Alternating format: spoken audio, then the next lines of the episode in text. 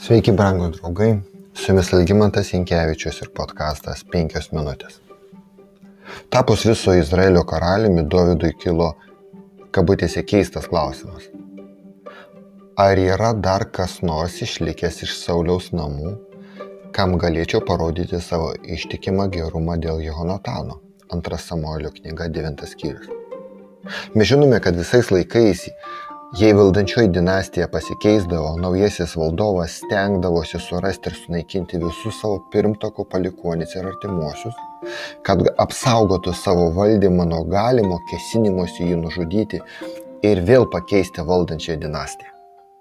Taigi, istorijoje pilna atveju, kai po rūmų perversmo buvęs sosto įpėdinis tapo valstybės nusikaltėlių numeris vienas, nepaisant to, kad visa jo kaltė buvo tik dėl to, kad jo gyslomis tekėjo buvusio karaliaus kraujas. Nejaugi Dovydas ieškojo buvusio karaliaus giminaičio dėl to, bet Dovydas ieškojo Sauliaus palikonių kitų tikslų. Ar yra dar kas nors išlikęs iš Sauliaus namų, kam galėčiau parodyti savo ištikimą gerumą dėl Jehonatano? Sauliaus šeimyna buvo turėjusi tarną vardu Ciba. Jis buvo pašauktas pas Dovydą. Ar tu esi Ciba? klausė Dovydas. Šis atsakė, tavo paslaugoms. Karalius tarė, ar yra dar kas nors išlikęs iš Sauliaus namų, kam galėčiau parodyti ištikimą Dievo gerumą. Ciba atsakė karaliui, taip, dar yra Jehonatanos sūnus su žalotomis kojomis. Kur jis, klausė karalius. Tiba atsakė karaliui, jis yra Lo Debarė, Amėlio sūnaus Machyro namuose. 2 Samuelio 9 skyrius 4 eilutė. Sauliaus sūnus Jehonatanas turėjo sūnų su žalotomis kojomis. Jis buvo penkerių metų, kai žinia apie Saulių ir Jehonataną pasiekė Jezraelį. Auglė pasiemusi jį bėgo. Atsitiko taip, kad jei skubant bėgti jis parkrito ir tapo raišas.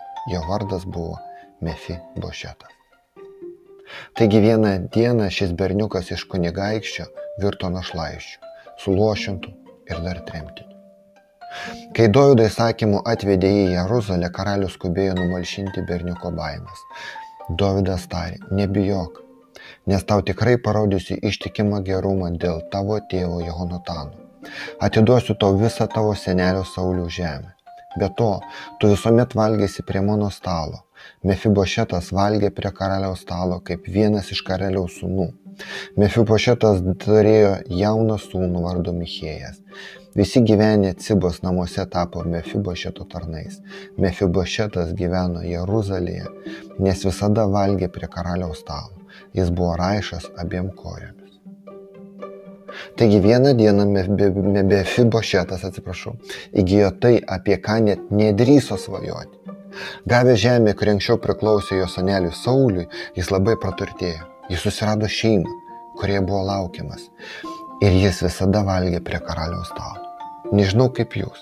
Aš skaitydamas šią istoriją visada savęs klausiu, ar Mefibošėtas supranta, kas yra malonė. Man asmeniškai ši istorija atrodo aiškiausia Dievo malonės apraiška Senajame testamente. Yra jų ir daugiau. Visgi mes esame kaip Mefibošėtas. Ne evoliucijos, o viešpaties kūriniai suluošinti Adomo nuopolio. Kaip ir Mefibošėtas, Mes praradome Dievo vaikų privilegijas, kurias mūsų pirmieji tėvai turėjo prieš nuopolį. Tačiau atėjo laikas, kai Dievo sūnus atėjo pas mus ieškoti ir išgelbėti prarastųjų. Jis atėjo norėdamas mus atvesti pas save ir atiduoti tai, ko mes netekome. Savo mirtimin kryžiaus jis davė sutaikinimą už mūsų nuodėmes. Būdamas mūsų vyriausiasis kunigas dangiškoje šventykloje, jis pateisina visus, kurie atsiliepia jo kvietimą. Antrojo ateimo metu Jėzus Kristus paims visus išgelbėtus ir ves juos ten, kur ir turėti būti dangaus karaliaus vaikai.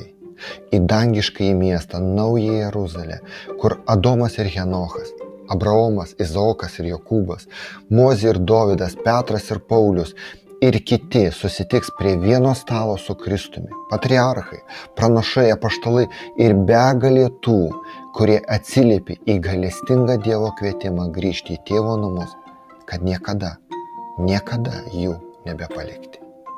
Su jumis buvo penkias minutės ir Elgimantas Jankievičius.